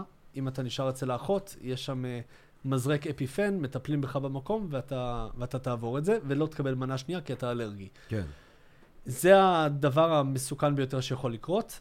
אה, אחר כך... זה אנחנו, מספרית, אנחנו יודעים אה, בערך, אני לא יודע, דיברו? בהתחלה על, על סדר גודל של אחד ל, לכמה מאות אלפים, אני לא, אני. מודה שאני לא בקיא, לא שמעתי על זה כמעט מאז, מאה אחוז. אה, אבל אפשר לבדוק את זה, זה לא, כן. זה לא בעיה. כן. זה דרך אגב משהו שמשרדי בריאות ורשויות בריאות בכל העולם מפרסמות דוחות עם תופעות הלוואי. כן. אה, דבר נוסף שרואים זה, זה למשל דלקת בשריר הלב, מיוקרדיטיס. כן. שזה אחד הדברים שאותי ב- בתור אבא הכי הפחידו, כי רואים את זה קורה בעיקר אצל צעירים ובעיקר אצל בנים. כן. אצל אז- נערים. אה, זהו, ראו את זה דווקא אצל צעירים, מבוגרים צעירים. ראו את זה בין גילאי 16 ל-30. אצל נערים, אנחנו עכשיו עדיין ב... לא, בהתחלה. מה זה נער? כן, כן. אנחנו עדיין, נער 12 עד... כן, בסדר. אה, אנחנו עדיין בהתחלה, אז כן. יכול, לא יודע מתי ישמעו את הפודקאסט הזה, אבל נכון להיום, יש איזה שהם רמזים שאצל בני נוער זה דווקא פחות. שוב, זה... ולמה הדבר הזה קורה? למה הדלקת... אה, למה אצל ה... שוב, יש לנו בערך הערכה של מספרים? זה קשור, זהו, הערכה של מספרים אה, תלוי מי בודק. בארץ ההערכות המחמירות ביותר הן 1 ל-5,000, ואנחנו מדברים על... שזה כבר מתחיל להיות זה אה, נכון, זה קטע. סיכון לא קטן, כן. ויכול מאוד להיות שאם לא היה מגפה עולמית, אז היו אומרים, טוב, פייזר, קחו את החיסון חזרה, תמציאו משהו חדש, ו- ונדבר שוב כש- כשתשיגו משהו עם אה, פחות תופעות לוואי. אבל הסיכון ב- מלהידבק במחלה, גם אצל צעירים, הוא משמעותית יותר גבוה מה-1 ל-5,000 האלה, וגם אה, לא, אבל השאלה... ה-1 ל-5,000 האלה, גם אז, אגב, ברוב המקרים זה דלקת קלה. עכשיו שוב, אני לא רוצה שהילד שלי יחטוף דלקת בשריר הלב, ממש ממש לא, גם אם, גם אם היא לא קלה. אבל אם הוא יידבק בנגיף, הסיכון שלו לדלקת רב-מערכתית שכוללת את שריר הלב, יותר גבוה. אוקיי, אבל אז, אז שנייה, שנייה, שנייה, שנייה. אה, אחד על חמשת אלפים, שזה כבר זה לא... בארץ, בארצות הברית כן. מדדו 1 ל-15,000. יכול להיות שבגלל שבארצות הברית מערכת הבריאות פחות נגישה. כן. אני מאמין יותר לישראלים, זה נכון. אז נגיד אחד על חמשת אלפים, שזה כבר, אה, אתה יודע, זה כבר... אה, זה עדיין סיכון נמוך. זה סיכון מאוד מאוד נמוך. נמוך, אבל זה סיכון. נכון. סיכון צ'יק. עכשיו, אה, ו- ואתה אומר, הסיכויים, ואז אני חושב ככה, אז ברור שהבעיה, שוב, יש פה את ה... יש פה נראה לי את המתח בין האפידמיולוגי, הסוציולוגי, הרחב, המקרו, לבין האנוכי, הפסיכולוגי, אז בוא נספר לך האינדיבידואלי. מה אני עשיתי. אני, כן. כש- כשאישרו את החיסון לבני נוער, אני לא הלכתי ישר לחסן, אני חיכיתי. כן. אני חיכיתי כמה שבועות. ואז כש, כשהתחלואה התחילה לעלות, ואז אני הרגשתי את הקורונה הנושפת בעורף של, ה, של הבן שלי, אז אני אמרתי, טוב, הסיכון שלו עכשיו להיפגש עם הנגיף כבר יותר גבוה ממה שהוא היה לפני חודש, אז אני כן אקח אותו לחיסון. אוקיי, אבל השאלה היא מה הסיכוי שלו להסתבך מהנגיף. כי ברמה האפידמיולוגית, ברור שאתה לא רוצה שיסתובבו בני 15 שידביקו את הזקנים שמתים. זה... מה הסיכון שלו זאת אומרת, להסתבך? כמשרד החינוך, אתה אומר, אני, מד... אני, אני מחסן את כולם, כי אני חושב אה, בגדול, ובגדול אני מציל, בני, אני מציל יותר בני אדם מאשר אני פוגע בהם אם אני מחסן את כולם, נגיד. אבל אתה כאבא, או הבן שלך כאינדיבידואל, אומר לעצמי, שנייה, אני בן 15, נכון. גם אם יהיה לי קורונה, תכלס הסיכויים שלי שיקחו לי משהו זה די אפסי, אז למה שאני בכלל אעשה את אבל זה? גם האפסי הזה הוא גבוה יותר מהסיכון או, להיפגע מהחיסון. אז זה השאלה. האם, האם יש לנער, אה, בתוך תנאים של פנדמיה, כן. סיכוי יותר או פחות גדול מ-1 על 5,000 בוודאי. להסתבך עם הקורונה? כן. הסיכון, פעם אחרונה שבדקתי, הסיכון לדלקת רב-מערכתית, שזה הסכנה הגדולה, ושוב, הרוב שורדים את זה, זאת אומרת, כן. התמותה היא באמת באמת אפסית, אבל כמו שאמרתי בהתחלה, מוות זה לא הדבר היחיד שאנחנו צריכים לקחת אה, כן, כשיקול. לא, נזק, אנחנו... אז כן. אחד ל-2,500 או 3,000 זה דלקת רב-מערכתית. יש לנו גם את הלונג קוביד, שזה אה, תופעות לוואי ארוכות טווח שנמשכות, ו- וזה יכול... עכשיו, אם, כשאתה אומר 1 על 3,000, 1 על 2,500, זה 1 על 3,000 מנערים שנדבקים שנדבקים, בקורונה, או כן. מנערים נקודה? נערים שנדבקים. זאת אומרת, אבל אז, אם אני משחק את המשחק הסטטיסטי, אז אני צריך גם לקחת את הסטטיסטיקה שהוא ידבק בחשבון. נכון. שזה גם לא אחד אבל על אנחנו, אחד. אנחנו מניחים שבתנאים שיש היום, כולם ייחשפו לקורונה. זה, הנגיף, הווריאנט החדש, וריאנט דלתא, הוא הרבה הרבה יותר מדבק מווריאנט אלפא, שזה הבריטי, שגם הוא היה הרבה יותר מדבק מהווריאנט המקורי. לא מן הנמנע שה, שהווירוס וירוס עוד ימשיך לעבור מוטציות, כל עוד התחלואה מאוד מפושטת, אז לווירוס יש הזדמנויות לעבור מוטציות. ותמיד עדיף שהגוף יד... יפגוש את הווירוס כשהוא כבר מכיר לפחות חלק ממנו. ואנחנו רואים באמת שהתחלואה הקשה הרבה יותר נמוכה אצל מחוסנים מאשר אצל לא מחוסנים. כן. גם אצל צעירים. אז אתה אומר, אוקיי, אתה אומר בעצם... אם- כולם ידבקו בשלב זה או אחר, או ייחשפו לפחות. כן. אז אתה אומר, בעצם, אם יש לי נער בן 15, או אם אני נער בן 15, אז אני אומר לעצמי, אורייט, אני מסתובב בעולם, אני מתישהו ייחשף לקורונה. בארץ, לא צריך בעולם. כן, בעולם, זאת אומרת, בעולם כ... בעולם, the world, the universe, כן. בקוסמוס. אני, אני, אני מסתובב ביקום, אה, ספציפית בארץ, כן, אבל אה, אני מסתובב בארץ. אה, אני, הסיכויים שאני אחשף לקורונה מאוד גבוהים, כן. מאוד גבוהים, ואז יש לי סיכוי אחד על שלושת אלפים שיהיה לי משהו שהוא לא נעים בכלל, שהוא נכון. דלקת, אה, ולכן עדיף אחד. לי יש, ללכת שוב, יש על גם הסיכוי... סיבוכים נוספים, כמו הלונג קוביד, ויש את הסימן שאלה הגדול של איך הווירוס הזה מתנהג לאורך זמן. האם הוא משאיר מאחוריו עקבות שהוא מטמיע את עצמו לתוך הגנום, כמו שווירוסים אחרים עושים? האם הוא יתפרץ בעוד כמה שנים, או האם הוא יגרום לאיזשהו סיבוך ארוך טווח? לא יודעים. עכשיו, מה בנוגע אבל לחיסון הזה? האם אנחנו יודעים איך, מה הוא עושה לגוף למערכת החיסונית לטווח ארוך? אז זה היופי בחיסונים באופן נעלם? כללי, שחיסונים אנחנו רואים שכשיש תופעות לוואי, הם מופיעים בתוך חודש-חודשיים כזה. אחרי זה פשוט התגובה נגמרה, האירוע נגמר, ואין משהו שיגרום לאיזושהי תופעת זאת אומרת, לוואי. אתה אומר, אין שום סיכוי, שום סיכוי, שבעוד עשר שנים כל הנערות והנערים שמתחסנים עכשיו יהיו, אני יודע מה, עקרים, או אה, פתאום אה, יתפגרו, או פתאום יהפכו לוומפירים, או זומביז. אז להגיד אין סיכוי, אף אחד לא יגיד לך אין סיכוי. תמיד יכול להיות המשהו הזה שאף אחד לא חשב עליו. הסבירות לזה היא קלושה, אפסית, לא... וירטואלי לא קיימת. מבחינת העניין של ה... יש איזושהי שמועה נוראית שהחיסון עלול לגרום לעקרות או לבעיות פוריות, כן. ומעבר לזה שאין לזה שום היגיון ביולוגי, גם אין שום ראיות לזה, ואתה יודע מה, אם, אם היה בזה איזשהו היגיון, היינו רואים את זה אצל מחלימי קורונה, כי בכל, בכל זאת, אנחנו מזריקים את ההוראות לבנות חלבון, שהווירוס עצמו מזריק גם לנו. כן. אז לא, אבל יכול להיות שמחלימי הקורונה, אה, גם הם יהיו עקרים בעוד עשר שנים. יכול להיות, תאורטית. אבל, אבל לא סביר. וואי, מאוד זה יהיה לא קטע. פתאום כולם עקרים, כאילו. תחשוב איזה שכבות uh, באוכלוסייה נדבקות יותר, וזה זה ישנה לגמרי את, ה, את המאזנים. כן, זה מעניין. זה, זה יהיה מחריד, כן. אבל כן. Children of Men, ראית את הסרט? לא. זה סרט מעולה על uh, עולם ב-2027 שבו לא... Uh, שבו אי אפשר לא, יותר להוליד ילדים מסיבה מוזרה, וזה כאילו מה קורה לחברה האנושית בתנאים האלה. תראה את זה. anyway, um, אז אתה אומר, סטטיסטית, אנחנו עושים פה משחקים סטטיסטיים, כן. אנחנו בקזינו. זה נוראי. Life is a cabaret. זה ממש Life נוראי, is a אבל לא, כן. די, בוא לא נתבכיין. החיים הם uh, ניהול סיכונים, אנחנו מתחוצצים בעולם, תודה לאל על הקיום, ואנחנו אומרים, יאללה, נלך, כן, כמו שאומר יום, אני, יש את הנס הגדול, יש את הנס הקטן, כן, אני משתכנע על ידי הנס הפחות uh, משוגע, או פה אני הולך ולפי ה- ה- הסיכון היותר קטן להיפגע, והסיכון היותר קטן להיפגע, זה החיסון. כן. זה מה שאתה אומר. זה הסיכון גם בטווח הקצר וגם בטווח הארוך, כי אני לא יודע איזה וירוסים יגיעו אחר כך. הסיכ... זה, גם ברמה האפידמיולוגית זה מקטין את הסיכון של הווירוס להתפשט באוכלוסייה, גם ברמה הפרטית זה מקטין את הסיכון שלי להיפגע מהווירוס או מאחד הבני דודים שלו שיגיעו. כן, זה. זה, ה- זה ה... כן. אמ, ועל זה שאנחנו ניקח אותו פעם רביעית, חמישית, שישית, שביעית, שמינית, לא מופרך. עשירית, אה, זה לא יכול באופן מצטבר להוביל לאיזשהו נזק? זה לא קורה באף חיסון אחר.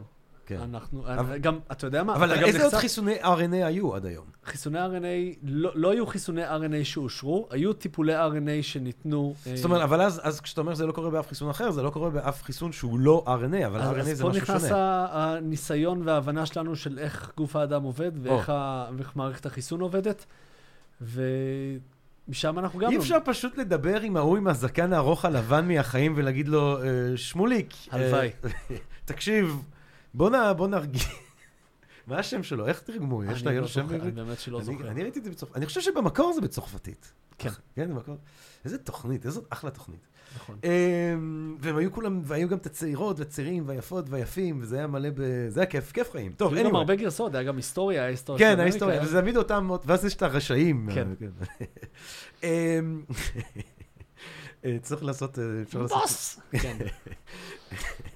אמ, אוקיי, רק שנייה, בוא נהיה זה. לא, אנחנו, היי, קורונה, בוא נדבר שנייה בצורה רצינית. אז אתה אומר, לפי מיטב הבנתנו, אפשר לחזור על החיסון הזה שוב ושוב ושוב, ואין איזשהו סוג של סיכון מצטבר. נכון. מעניין. ולא ברור אגב כמה מנות נצטרך לקבל. יכול להיות ש... ש...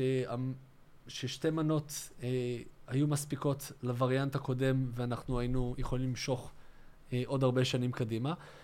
ויכול להיות שה, שהמנה השלישית תספיק בשביל גם נגד הווריאנט הבא, הנוכחי, ויכול להיות גם שלא. אז אה, אנחנו חיים בתקופה של אי ודאות. אז יכול להיות כן. שאני צריך לקבל עוד מנות של חיסונים בהמשך. יכול להיות שאגב גם יצא איזשהו חיסון חדש, שיהיה יותר יעיל ויותר בטוח ופחות תופעות לוואי, והוא הזה שיכבוש את השוק. חברות ממשיכות לפתח חיסונים, ממשיכות לשפר אותם ולייעל אותם, ולא רק פייזר ומודרנה, גם חברות אחרות, ואנחנו... זה, זה, זה שוק מאוד תחרותי. אז עכשיו, עכשיו בוא, בוא נדבר אולי, אתה יודע, אני תמיד, אני עושה, אני משחק משחק, uh, במשחק מורפי, משחק מורפי קורוני, uh, קורוני, uh, שאתה עורך את החדשות על, על מאז תחילת המשבר של הקורונה. שתמיד אומרים, זה עדיין לא X, אבל uh, יכול, ואז אני אומר, יהיה X, אתה מבין? כל פעם שאומרים משהו לא טוב, לך על זה. הם אומרים, כרגע אנחנו חושבים שהחיסון עדיין עובד, אבל צריך עוד מחקר. מסתבר שהוא לא יעבוד נגד ה... אתה מבין? תמיד אני, אני משחק על ה... אגב, זה לא נכון שהוא לא עובד, הוא עובד מצוין. כן, אבל הוא לא עובד כמו שהיינו רוצים שהוא יעבוד. כמו שהיינו רוצים, כמו שהיינו רוצים. עכשיו, אה, אז, אז, אז, ו- ואנשים אמרו, תמיד כבר היו אחרי הקורונה, זאת אומרת, על ההתחלה זה היה נורא מעניין שאנשים הרבו לדבר על אחרי הקורונה. סוג של wishful thinking של אחרי. עכשיו, נכון. אני חושב שאנחנו מתחילים להבין שאנחנו עכשיו עם הדבר הזה. אה, איך מגפה כזאת, אתה יודע, ואני גם, אנחנו זוכרים שמגפות היסטוריות זה חמש שנים, שש שנים, אה, ואפילו עשרות שנים לפעמים. אה, איך, איך אתה רואה את, ה, את, ה, את הדבר הזה מתפתח? אז המגפה הזאת, כנראה, שוב, אני לא אפידמיולוג, אז אני נזהר בדברים שלי, אבל המגפה הזאת כנראה תמשיך לבוא בגלים, היא תיחלש, והיא תהפוך להיות משהו ברקע. כמו שיש לנו את השפעת, שנמצאת ברקע, כל שנה מגיעה למה השפעת. היא, היא תיחלש? כי, זאת אומרת, אומרים על השפעת כי יהיו הספרדית, מספיק אנשים שאו שחוסנו או שנחשפו. אבל אומ- אומרים למשל על- השפעת הספרדית שהיא חזרה בעונה השנייה יותר חזקה, ואז נכון. פתאום הגיע וריאנט שמצד אחד הרבה יותר מדבק, אבל מצד שני ממש לא מזיק. והוא הזה שהשתלט, ובעצם ככה הגיעו לחסינות האלה. זה אחד נכון. מהסברות. זה אחת. הסברות. זה, כן. שוב, אנחנו, קשה יודעים, לדעת כן. כי, כי הכלים המולקולריים באותה תקופה לא היו מי יודע מה מפותחים. כן, לא ידעו מה זה DNA גם, לצורך העניין. אז... כן. אה, אבל זאת אומרת, יכול להיות שיבוא מתישהו וריאנט של הקורונה, שהוא גם הרבה יותר מדבק וגם סופר חלש, יכול והוא להיות. הזה שיסתום יכול לכולם להיות את ה... גם ש... שהוא יהיה יותר אלים. הכל יכול להיות. אנחנו לא יודעים. אנחנו לא יודעים, אה? זה, זה, זה באסה. כאילו, האי-ודאות הזאת, זה, זה מרתק, זה, כן. זה... להסתכל על זה מהצד זה יכול להיות ממש מגניב, אבל כן. להיות חלק מזה, זה, זה משחק ריאליטי די אכזרי. יכול להיות, יכול להיות, אך בתוכנית ריאליטי. יכול להיות וריאנט יותר אלים. בטח, הכל. הריאליטי היא תוכנית ריאליטי. כן. אה, אבל לך, זאת אומרת, לך, אני, אני גם, דיברנו בקצרה לפני, אה, בפרק המאה, אני חושב שעשינו, אה, ואני שאלתי אותך כבר אז, על איך זה מרגיש שסוף סוף יש את האירוע הזה. זאת אומרת, אתה חוקר דברים, אתה יודע, אתה חוקר אה, אה, אה, אה, ביולוגיה מולקולרית, אתה חוקר אה, אה, דברים שקשורים אה, בצורה הדוקה לנושא הזה, ופתאום יש לך איזשהו סוג של enactment של הסצנריו שכל השנים האלה הוא היה אה, רק תיאורטי. כן. יש בזה גם משהו מרגש, בשביל מי- מישהו כמוך. אני זה- במדעי הרוח, אתה יודע, תמיד הסבל הוא הסבל והמצב האנושי הוא לא, לא השתנה מהקצה לקצה, אתה יודע. אני כאילו כן מרבה לקרוא יותר עם מרקוס אורליוס, שקורא את המחשב, שכותב את המחשבות שלי תוך כדי המ, המגפה האנטונינית הנוראית, אז אה, יש משהו, ב, ב, אני, אני מאוד ממליץ לכולם אגב, את מרקוס אורליוס, חשיבה סטואית, חשיבה שממקדת אותנו אה, לתגובה כלפי העולם החיצוני, מבקשת ממנו לקבל את ההיכך של הכאוס החיצוני ולמקד את ה... המאמץ ההגותי שלנו בתגובה שלנו לדברים, זה דבר שהוא מאוד חשוב בתקופה הזאת. אבל, אבל, אבל אתה אה, בעצם מקבל אה, את ההצגה הכי טובה בעיר. כן, האמת שכן. אני, אני אגיד לך מה, אני בחודש פברואר כזה, לפני שהווירוס הגיע רשמית לארץ, אה, אני, אני מלמד בימי שישי באשקלון, כיתה של מחוננים, אז אני, באותו יום אני, אני באתי ואני אמרתי להם, טוב, בואו נדבר על קורונה, מה יודעים עכשיו? אגב, זה מצחיק אותי לראות את המצגת שלי מאז, שכל כך הרבה השתנה. זה המון השתנה במה שאנחנו יודעים על הווירוס. ואני זוכר שאני אמרתי להם, תקשיבו, נשים רגע בצד את כל הסבל האנושי ואת כל האנשים שמתים בסין והכל, איזה מחלה מגניבה. ואז היא הגיעה לארץ, ואז אני פחות חשבתי שהיא מגניבה. כן, אבל- כן, כן. תראה, אתה, את חייבים להיות במצב שאתה יושב, אה, אתה יודע, שאתה בצד. ב- לא, על ערש דווי לא מצליח לנשום עם וריאנט אומגה, אה, ואומר, וואלה, עדיין מחלה מגניבה. ואז מת. אז ארז גחטי, אז זה- זה יהיה, זה יהיה בעיניי, זה יהיה רגע של התעלות הרצון. אוקיי, טוב, לא, אני אזכור את זה. אני, יש לי איזה פנטזיות של להיות, טוב, זה נורא להגיד, אבל הרעיון הזה של מורדם מונשם, זה, זה כאילו מרגיש כמו חופש באיזושהי צורה. אני לא בטוח, זה לא, נשמע דווקא כן, כמו לא, זה סבל דבר נוראי. זה דבר אבל- נורא, גם המשפחה שלי חטפה, זה דבר נורא. anyway, anyway, anyway. תראה, בוא נדבר בצורה רצינית. איך, יש גם, אם, הצע, אם הדרך הכי, אה, לסיכום, אם הדרך הכי נכונה לנסות להתמודד עם האסון, נראה רגע רציניים, זה אסון נורא. כן. זה אסון נורא, אני גם יכול, אני לא אכנס לפרטים, אני לא זה, אבל במשפחה הקרובה שלי איבדנו מישהו מהדבר הזה. אה, אנשים, אה, יקר, מישהו יקר לנו מאוד מן הסתם, אנשים מאבדים, אנשים, אנשים מתים, אנשים חולים, אנשים לא מתאוששים, יש פנדמיה, העולם קורס, אה, שלא לדבר על כמובן ההשלכות של, ה, של הסגרים והבריאות הנפשית, נכון. וילדים ש, שהולכים לאיבוד בתוך המסכים ושחוזרים, ל, ו, ו, וילדים קטנים שחוזרים להשתין בגלל לחצים ובגלל המצב וכו', על הפנים, מצב על הפנים. נכון. אמ, דרך אחד שיש לנו לצאת זה לנסות אה, לחסן את אה, כולם. יש התנגדות שבעיניי היא מובנת, כי אנשים, אתה יודע, כולנו מבולבלים, כולנו נכון. לא יודעים מה קורה, כולנו מנסים להושיב ומחשבים סטטיסטיקות, וזה נורא חרדתי כשזה זה, הסטטיסטיקות. זה, זה לא אמור להיות ככה, אנחנו אמורים לקבל המלצות טובות שאומרים לנו, תקשיבו, זה מה שאתם צריכים לעשות, כי זה הדבר הכי בטוח והכי טוב. ולהתחיל, המשחקים של הניהול סיכונים האלה, זה, זה לא משהו שבן אדם מהשורה צריך לעשות. כן, אבל, אבל, אבל זה אבל- המצב, אבל נכון. זה המצב. זה צריך, וזה להיות בוגר, להבין שאין אה, אין איזה שהם הורים שדואגים לכל, אה, יש איזשהו כאוס וכל אחד מנסה כמיטב יכולתו, ויש אה, בתוך כל הסיפור הזה אנשים שמתנגדים התנגדות אמיתית, הם לא צוחקים, הם לא נכון. צוחקים. האנשים שמתנגדים לחיסונים בכלל ולחיסון של הקורונה בפרט, הם לא צוחקים, הם לא באים, הם לא עושים את זה כדי לעצבן, הם לא... והשאלה היא איך אתה יוצר שיח שמוביל לאיזשהו סוג של, אני יודע מה, תנועה, אה, אולי שיח שונה. עכשיו, יש... אנחנו רואים בשבועות האחרונים שיח שהוא מאוד מאוד אנטגוניסטי. נכון. כן, אה, שזה טעות בעיניי. כן, מה, מה, מה, מה ברמה הפסיכולוגית, האנתרופולוגית, הסוציולוגית, אה, אה, מה המחשבות שלך? אז כי, שוב, כי, אני- הרי, כי אתה לא רק מדען, אתה מנגיש של מדע. אז- אני אז- מנגיש אז מדע. יאללה, להנגיש, מה קורה? אני- א', אני מנגיש, אני מנגיש הרבה. כן, אתה מנגיש עכשיו, עכשיו, ברגע זה ממש. נכון. אתה אז- מנגיש, בדיוק. אתה בהנגשה עכשיו. אז אנחנו נמצאים בעיצומה של מגפה נוספת, שזה האינפודמיה. או, זה משפט שטבע ארגון הבריאות העולמי, מגפת אה, מידע או מגפת מידע כוזב, שאנשים מוצפים בכמויות פסיכיות של מידע, וקשה להם לפעמים לברור, אני מודה שהרבה פעמים אני מקבל איזו הודעת וואטסאפ, והרפלקס הזה של מהר לשלוח את זה לכולם, זה, זה מדגדג, זה ממש מדגדג, ואנשים שולחים ומפיצים את המידע, ו- ומוצפים בהרבה מאוד מידע, ובשלב מסוים כבר קשה להבין מה נכון ומה לא נכון, במיוחד דברים שחוזרים על עצמם שוב ושוב בכל מיני גרסאות, ו...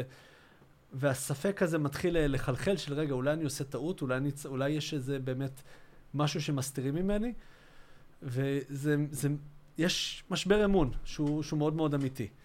עכשיו, אה, מה שאני עושה, אני לא נכנס למריבות עם מתנגדי חיסון, עם אנשים שהם המתנגדים, הגרעין הקשה, שאיתם אין מה לדבר בכלל, הם קיבלו את ההחלטה שלהם, ו- ו- וזה זכותם, אנחנו חי- חיים במדינה דמוקרטית. מה שאני כן מנסה לעשות זה להגיע לאנשים שהם מתלבטים, שמתנדנדים, שמהססים, לתת להם את המידע האמיתי, דרך אגב, אני לא, אני לא מסתיר שום דבר. הסיפור של לא, הדלקת גם, שריר גם הלב, בשיחה שלנו היום אתה אומר דברים לא פשוטים. נכון, אני, אני אומר את האמת, האמת שנכונה להיום. כן. ו- אתה נותן את המידע הכי אמין שאתה מסוגל אה, לאתר. נכון. ו... ואני לא ממליץ שום דבר, אנשים בכל זאת צריכים לקבל את ההחלטות על, ה... על הגוף שלהם בעצמם, אבל אני מנג... מציג להם את המידע העדכני כמו שידוע היום, ו... וזהו, מעבר לזה אני לא, לא יכול לעשות הרבה. אני משתדל לא ללכת ולפנות לרגש ולהשתמש בכל הטקטיקות האלה שמתנגדי חיסונים הרבה פעמים משתמשים. הנה למשל, דודה שלי קרא לה ככה וככה, זה, זה משהו שהוא בעיניי אה, שגוי. אבל... למרות שאתה כן רואה, סתם, אני, אני ראיתי איזה, איזה גל של סיפורים בתקשורת האמריקאית על אחיות שמדברות על איך שאנשים, ואני חייב, לראות, ואני גם רואה את זה בתקשורת הבריטית, אה, אני, יש לי יש לי פטיש לצהובונים, אני קורא את ה-Daily Mail, את ה-Sun וזה, ואתה כן רואה גל של סיפורים על אחיות שמדווחות, אה, של חולים שעל ערש דווי אומרים, אה, אם רק הייתי... אם רק הייתי יכול להתחסן, או כאלה שמבקשים להתחסן, וכאילו... לא, זה צריך עובד, אבל זה פשוט דרך נורא עקומה לקבל החלטות. כן. על בסיס סיפור כזה או סיפור אחר. כן. אני, אני באופן אישי לא אוהב את זה. אני, אני גם מתפתה לפתות, ל, לשתף אה, סיפורים כאלה, ודאי. אבל הדרך בעיניי האמיתית זה להציג את התמונה כמו שהיא, את ה, מה המחקרים שאני מתבסס עליהם, אני גם תמיד שם כישורים, כשזה בכתב, אני תמיד שם כישורים למחקרים האלה, שמי שרוצה לבדוק אותי, שיבדוק, ואגב, אם מוצאים שאני טועה אז אני מתקן. ומה שאני לא יודע, אני אומר שאני לא יודע. ומה, אתה יודע, סתם, עכשיו אני ראיתי את הוידאו של אריק קלפטון, שמדבר על זה שהוא לקח את החיסון, כן. והוא גם ככה כנראה שיש לו... ילדות שלי, זה יש לו מאוד איזה מעציב בעיה אותי. אה, אוטואימונית אה, מלכתחילה שהוא מתמודד איתה, ואז הוא לקח את החיסון, וזה הדבר הזה החמיר מאוד בעקבות, הוא חושב שבעקבות החיסון. אתה, אתה יושב בבית, אתה ראית את ה... טוב, לא אם הוא גיבור. ילדות שלך, אתה לא ראית את הסרטון הזה? לא, לא ראיתי, אבל שמעתי עליו. כן, אז, אז, אז איך אתה, מה, מה זה, מה, מה החשיבה, מה, מה אתה חושב? הוא משקר, אריק לא, הוא קלפטון? לא, מש... אני, אני בטוח שהוא לא משקר. אולי אין, אין לבן אדם סיבה להמציא דבר כזה. כן. זה מה שהוא חושב ש, שזאת האמת. יכול מאוד להיות שהוא באיזשהו אחוזון קטן ש, שכן, אה, שכן אה, נפגע. בסופו של דבר את החיסון קיבלו מאות מיליוני, חיסון ספציפית של פייזר, כי הוא הרלוונטי בארץ, קיבלו כן. מאות מיליוני בני אדם בכל העולם, יש המון המון המון מידע, כן. אז אפשר כבר להעריך מה הסבירות לכל תופעת לוואי, אז או שזה משהו נורא נורא נורא נורא נדיר, שזה בקושי עלה על, ה, על הרדאר הזה של, ה, ש, של התופעות לוואי, או שזה משהו אחר, שזה, לא, שזה קרה בנוסף לחיסון ולא בגלל החיסון. זה משהו שאנחנו כנראה לא נדע בעתיד הקרוב. שאלה אחרונה לא קשורה קצת אה, לכל השיחת קורונה שלנו, אה, אבל זה משהו שהעלית מקודם. לא, תגיד, אה, תוך, אה, אתה יודע, אה, אם אחרי ממש מעט חודשים כבר היה את החיסון, זאת כן. אומרת, ש...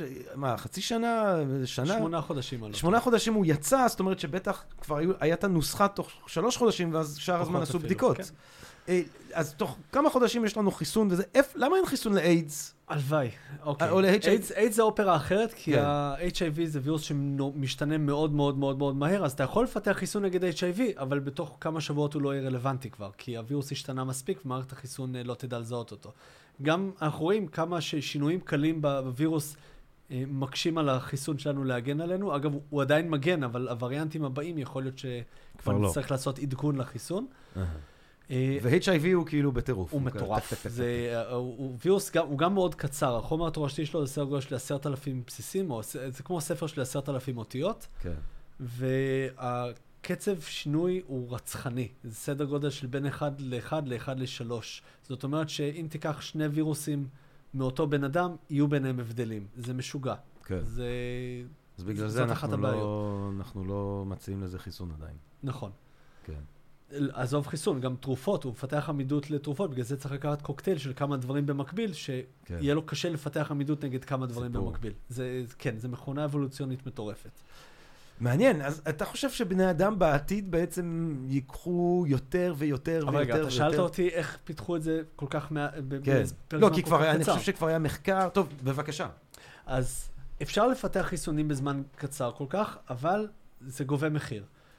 המחיר הזה זה קודם כל עולה הון, ובקטע הזה אה, ממשלות נתנו הרבה מאוד, השקיעו הרבה מאוד כסף, ארה"ב השקיעה מיליארדים של דולרים בפרויקט וורפ ספיד, הפרויקט כן. ההאצה של החיסונים, כן, כן. שהם הזרימו כסף לחברות תרופות, זה משהו שהוא כמעט חסר תקדים, ואמרו להם, עזבו אתכם מכסף, תביאו לנו חיסון, תעשו את זה בצורה, תקצרו את כל מה שאפשר לקצר, כל הגיוסי כספים, כל האדמיניסטרציות, כל הדברים האלה ש, שעולים זמן וכסף, תעשו את זה בצורה הכי יעילה שאפשר. כן.